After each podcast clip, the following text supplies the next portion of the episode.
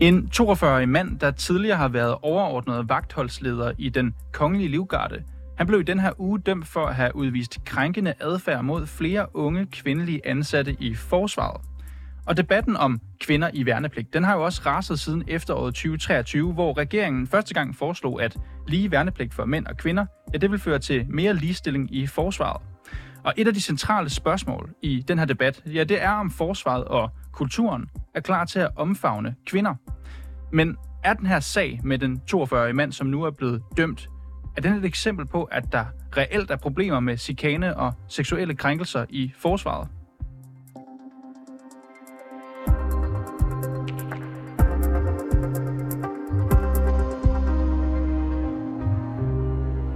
Ja, som jeg sagde til at begynde med, en 42-årig mand er altså, øh, har været tidligere ansat som overordnet vagtholdsfører i den kongelige livgarde i København. Og han blev i onsdags idømt 40 dages betinget fængsel og 60 timers samfundstjeneste for blandt andet at have udøvet krænkende adfærd mod unge kvinder ansat i forsvaret i perioden 2019 og frem mod foråret 2021. Og den dømte mand han havde på det her tidspunkt en magtfuld og ledende position med omkring 100 mand under sig, og blandt andet 10 sergeanter og mange garder fra den kongelige livvagt.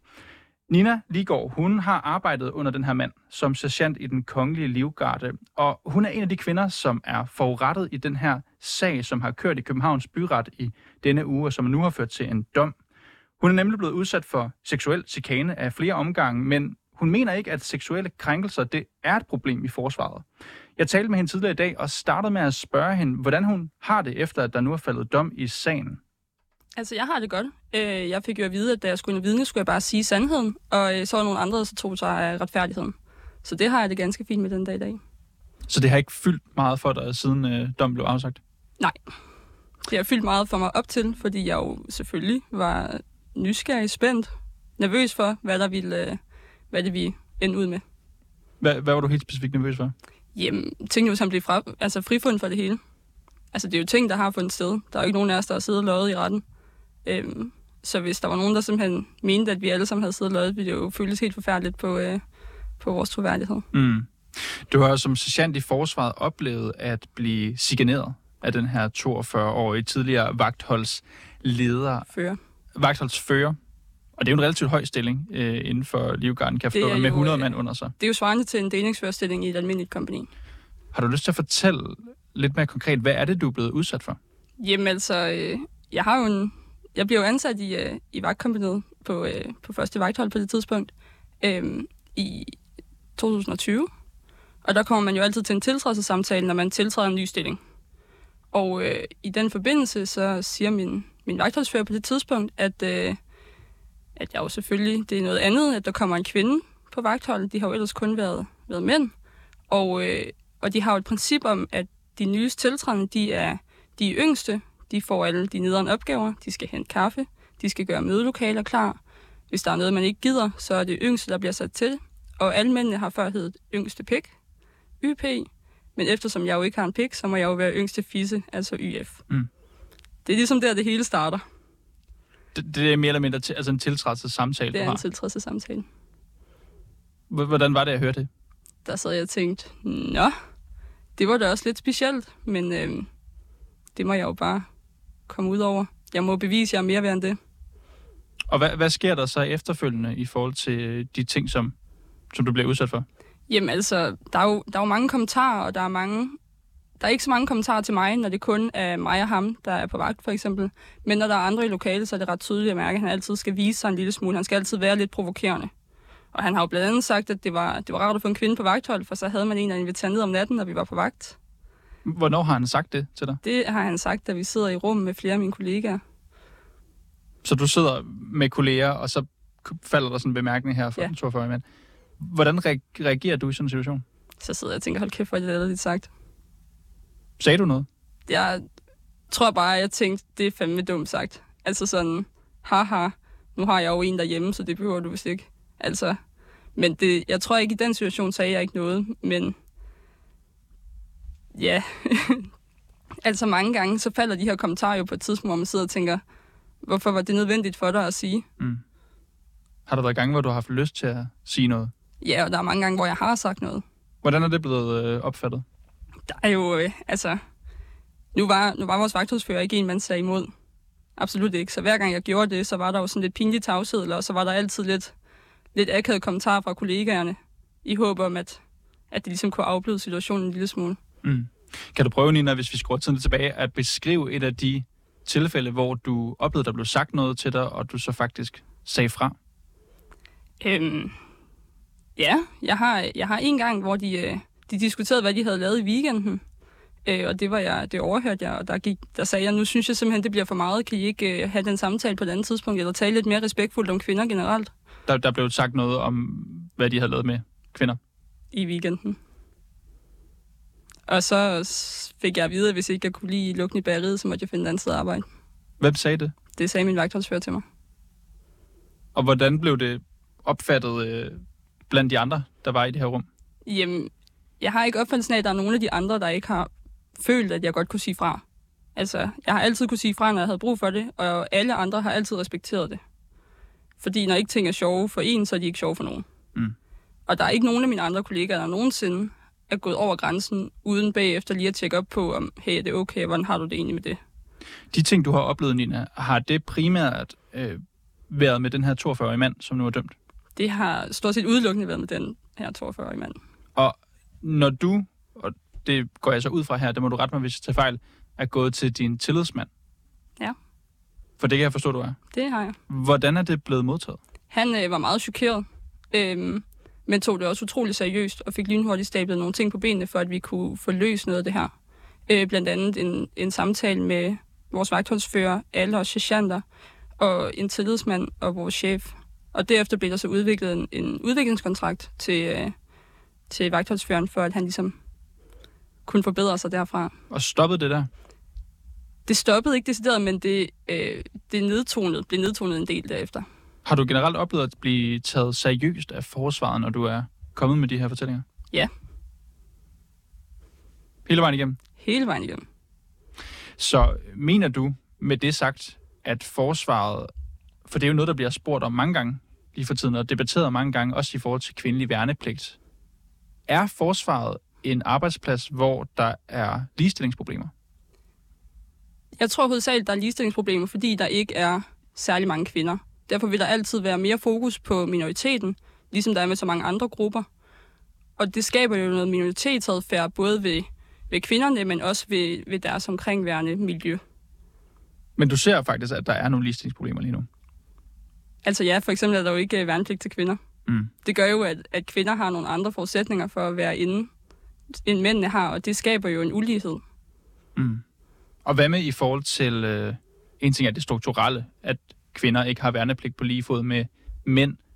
Men hvad med i forhold til det, der bliver sagt, den måde, man taler til unge kvinder nu? Har du selv nogle oplevelser, du har haft med den her specifikke 42-årige mænd? Er der generelt et problem med det i forsvaret? Altså det føler jeg ikke, for jeg føler, at der bliver talt lige så hårdt til mændene.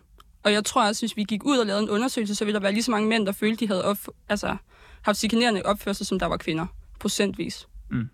Hvordan tror du, forsvaret ser på den her sag, som jo øh, har omhandlet den her tidligere leder af Livgarden, der har haft 100 ansatte under sig, som har chikaneret flere kvindelige ansatte i Livgarden Og mandlige ansatte. og mandlige ansatte. Hvordan tror du, forsvaret de har taget imod den her sag?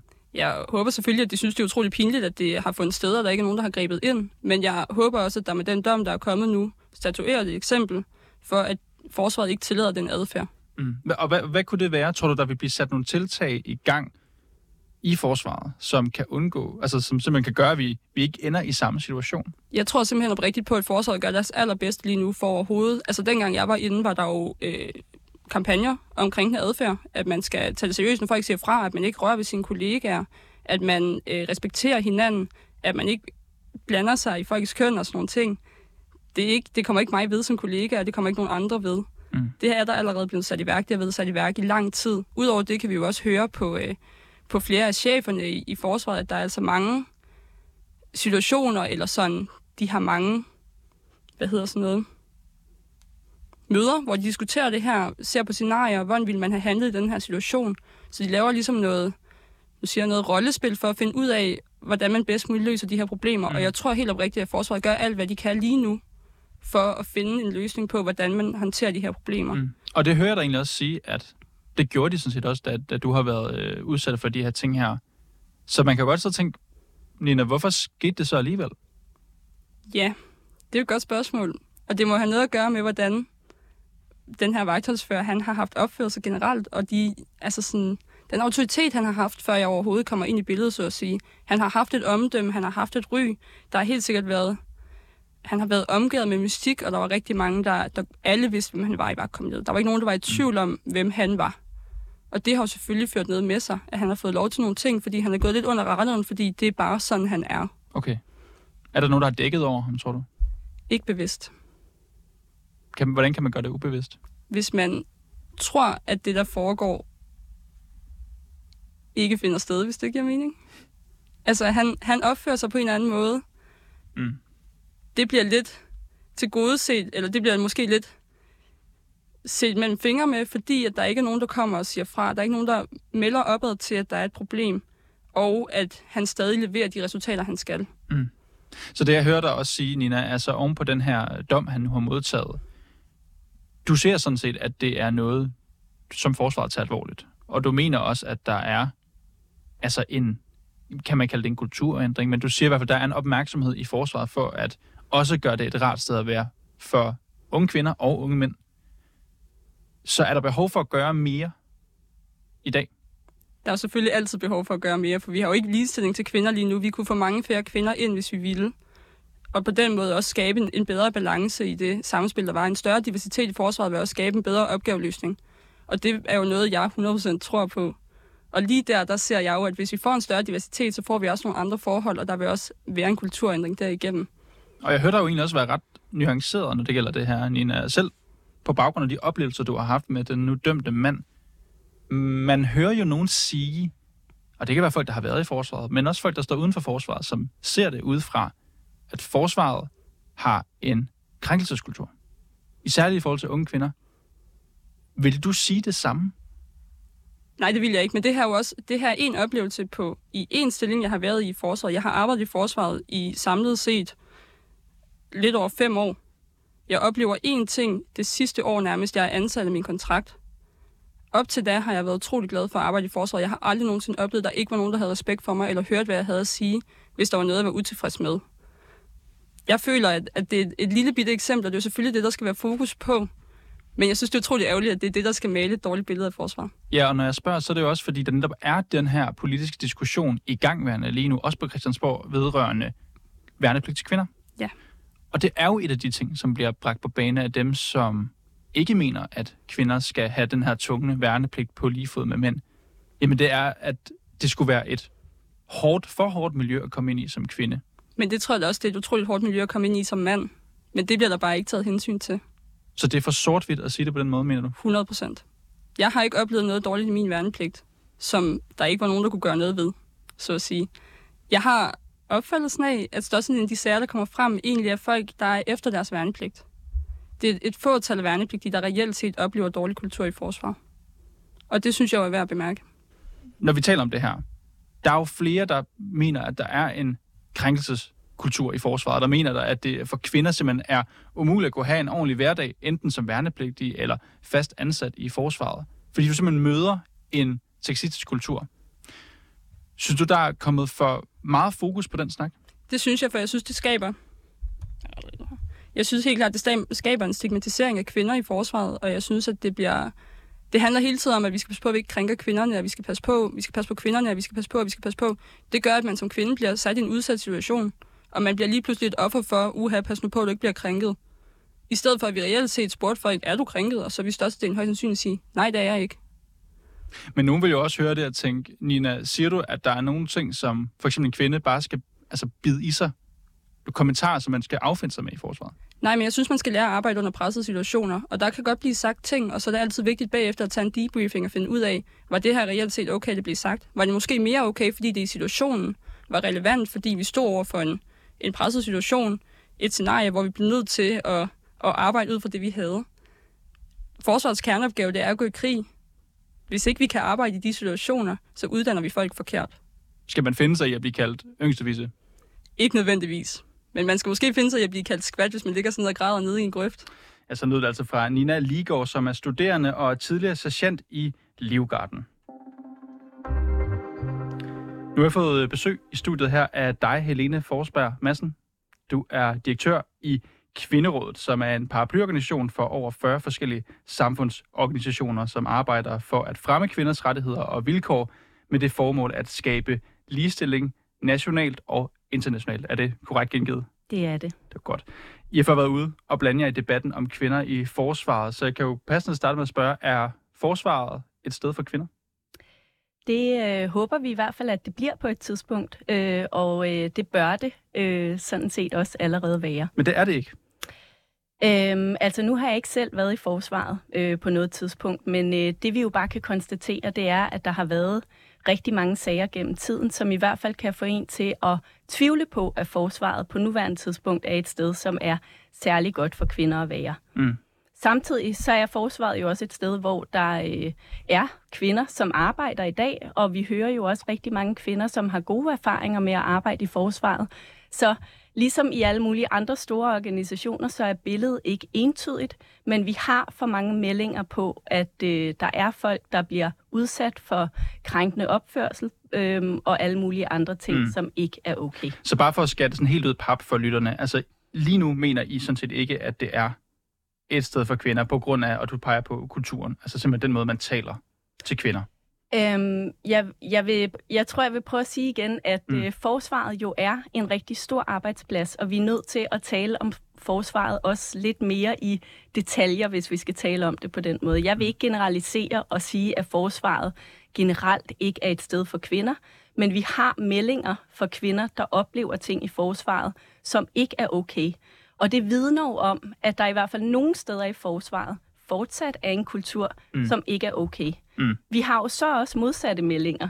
Kvinder, som er glade for at være i forsvaret, og det lytter vi selvfølgelig også til. Så jeg vil ikke generelt sige, at forsvaret ikke er et sted, hvor kvinder kan være, men forsvaret skal forbedre sig. Og det er også det, det, det er jo helt sikkert svært at sige noget generelt om det her. Ja. Nu talte jeg jo lige med, med Nina Ligård, som øh, er studerende i dag, men har været sergeant i øh, Livgarden. Hun er også en af de kvinder, som faktisk har oplevet at blive forlæmpet af en nu dømt 42-årig mand. På trods af det, så siger hun sådan set, at hun mener ikke, at der er et altså toneproblem i forsvaret. Hun siger jo, at man taler jo sådan set også hårdt til mændene i forsvaret. Det er en del af det, det er en del af den kultur, det er i forsvaret, at vi skal også kunne forberede os på vanskelige beslutninger i yderste potens krig. At, er det en, kom jeg til at tænke på, da hun sagde det, en, en pointe, som vi tit bliver lidt blind for? Øhm, at mændene også bliver talt hårdt til? Det, det kan sagtens være, at mændene også bliver talt hårdt til, men øh, jeg tror, at mit udgangspunkt og kvinderådets udgangspunkt vil jo være, at uanset hvad for en arbejdsplads du er på, så skal vi sikre nogle ordentlige vilkår og nogle, mm. øh, nogle rammer, hvor man ikke bliver udsat for krænkelser. Og jeg må bare stille spørgsmålet om, om øh, i så fald, at mænd også bliver talt rigtig øh, negativt til, om det gavner forsvaret. Øh, så jeg tror, at det her er sådan set ikke fordi, at bare kvinder skal have det bedre med at være i forsvaret. Mm. Det handler om, at alle de mennesker, der skal arbejde det her sted, skal have nogle ordentlige rammer og vilkår, ligesom de skal alle mulige andre steder i samfundet. Mm. Og jeg synes, der er meget stor forskel på at blive og opleve nogle øh, negative ting, når man selvfølgelig er udsendt og er i krig, og alle de her meget pressede øh, situationer, man står i. Øh, det er én ting. Men det at opleve, at ens overordnede taler øh, grimt til en, uanset om man er kvinde eller mand, det er med til at skabe en meget, meget negativ kultur. Det ved vi fra mm. alle steder i samfundet, at de mm. steder, hvor overordnede taler øh, rigtig nedladende til medarbejdere, der får vi en kultur, som ikke er okay, mm. og det gælder også i forsvaret. Og, hvis, og man kan sige, at jeg er selv udenom det, fordi nu bringer jeg det her med tonen på banen, men hvis vi så kigger igen konkret på det her med kønnene, ja og ligestilling. Mm. Er der et ligestillingsproblem i forsvaret? Øhm, det, det virker det i hvert fald til, der er. Altså, vi har jo i hvert fald ligestillingsproblem i det, at det er jo en meget øh, mandsdomineret arbejdsplads på, på nuværende tidspunkt. Mm. Og der øh, vil vi jo i Kvinderådet i hvert fald mene, at vi generelt i samfundet har et ligestillingsproblem i, at vi har et så øh, kønsopdelt arbejdsmarked. Og derfor går vi jo sådan set også ind for at vi ligestiller værnepligten, fordi vi simpelthen går ind for ligestilling mm. i alle dele af samfundet. Mm. Så principielt går vi jo ind for den her ligestilling. Øhm, men, ja, men på nuværende tidspunkt, der... Øh, nu siger der, du principielt? Ja. Så det vil sige, i, altså, øh, i forhold til værnepligten? Ja. I går ind for værnepligten, men er der et men? Vi går ind for en ligestilling i værnepligten. Hvis vi skal have en værnepligt i Danmark, så går vi ind for, at den gælder uanset om man er kvinde eller mand. Og, og det er jo interessant, fordi det, som jeg spurgte Nina Ligård om, mm. øh, hun anerkender jo, at der kan være, og det er jo alene hendes oplevelse, hun kan jo heller ikke tale generelt for alle de kvindelige ansatte, der er eller har været i forsvaret. Hun anerkender, at hun har oplevet nogle ting. Hun siger så, at det primært har været den her 42-årige mand. Og jeg spørger hende så, hvordan kan vi komme det til livs? At der engang med man oplever det her. Og hun peger med det første mere eller mindre på værnepligten. Hmm. Så det er også bare for at stå og se i det på samme måde. Altså selvfølgelig kan man øh, flere steder i forsvaret, tænker jeg, finde kampagner og, og værdigrundlag, der handler om, at vi skal tale ordentligt til hinanden, uagtet køn. Hmm. Men at se det på samme måde, at det i virkeligheden handler om, at hvis vi får den her kvindelige værnepligt på lige fod med mænd, jamen så kommer der måske også flere kvinder ind i forsvaret, og så kan vi på den måde komme en kultur, der både handler om tone og opførsel til livs. Jeg kan sagtens forstå hendes argumentation. Det kan jeg godt. Men jeg tror, vi vil nok gribe det an i en lidt øh, omvendt rækkefølge. Forstået på den måde, at vi er nødt til at sige, at hvis vi laver en ligestilling i værnepligten, så skal rammerne først og fremmest være i orden. Mm. Vi kan ikke tillade os at bruge kvinder øh, til at få skubbet på den her kultur. Det er en forkert måde at forandre kulturen, og ligesom sige, at kvinderne så skal gå ind og i et eller andet øh, årrække finde sig i alt det her, indtil de så har fået pushet nok og forandret kulturen. Det synes jeg ikke er kvindernes ansvar. Ansvaret ligger øh, i forsvarets ledelse, mm. og derfor er det også rigtig vigtigt, når vi taler en ligestilling i værnepligten, der er det også rigtig vigtigt, at vi taler ligestilling i alle dele af forsvaret. Det handler om, at kvinder skal være repræsenteret også på ledelsesniveau. Mm. Øh, fordi det bliver meget svært at sidde og forandre den her kultur, når vi har øh, nogle folk siddende i de ledende stillinger, som har været medskabende af mm. den her kultur. Så mere diversitet ind i forsvaret på alle niveauer, både i værnepligten, Godt. men også på ledelsesniveau. Og, så, og, og det du siger, at du vil gerne vente om at sige, lad os lave kulturændringen, før vi i virkeligheden begynder at tale om, jeg ved ikke, om man kan kalde det en strukturel ændring, men en ændring, som hedder, at kvindelig værnepligt bliver ligestillet med den mandlige værnepligt. Så det er jo meget naturligt at spørge, hvad er det for nogle tiltag, der så kunne laves? Altså, jeg tror, jeg vil sige, jeg tror, at forsvaret allerede arbejder på rigtig mange tiltag, og det vil jeg gerne anerkende forsvaret for. Øh, men noget af det, som øh, man for eksempel kunne gøre, det var jo at øh, sikre, at der ligesom var øh, altså ting til rådighed alle de steder, hvor øh, folk skulle være i værnepligten, sådan så at kvinder på lige fod med mænd kan være der. Det mm. handler om alle mulige typer af udstyr. Jeg har som sagt ikke været i forsvaret, så jeg vil ikke gå ind i øh, alt for mange detaljer omkring det, men i hvert fald skal jeg dog øh, uniformer til stede, som, øh, som folk kan bruge. Der skal være mm. toiletforhold, som, øh, som kvinder kan få lov at bruge. Der skal være mulighed for at klæde om, uden af, at man, øh, at man, at man øh, står i en situation, hvor man skal klæde ja, og om. Hvad med, og hvad med tonen? Fordi det er jo også det, man ofte peger på. Mm. Man kunne kalde det skurvognsnak, at nogen vil sige. Hvordan kommer man det til livs? Altså, øh, jeg tror, at øh, forsvarets ledelse igen er nødt til at tage et ansvar for den der såkaldte tone. Altså, den der skurvognsnak, den er altså ikke moderne i 2024 længere. Det er den ikke nogen steder i samfundet, og det bør den heller ikke være i forsvaret. Og jeg tror sådan set, det vil gavne både kvinder og mænd, hvis man holder op med at have øh, den der såkaldte tone. Nu ved jeg ikke, hvad du præcis mener med tonen. Det er altid svært, når vi taler om tonen. Mm-hmm. Men hvis det handler om at kalde folk for yngste fisse, eller hvad det er for nogle ting, som, øh, som jeg i hvert fald har læst mig til at blive mm-hmm. sagt, så, øh, så synes jeg, at den tone på ingen måde hører hjemme, heller ikke i forsvaret. Helene Forsberg Madsen, du er direktør i Kvinderådet. Tak fordi du kom ind i studiet her i dag. Selv tak. Og den her udsendelse den var sat sammen af Molly Finger.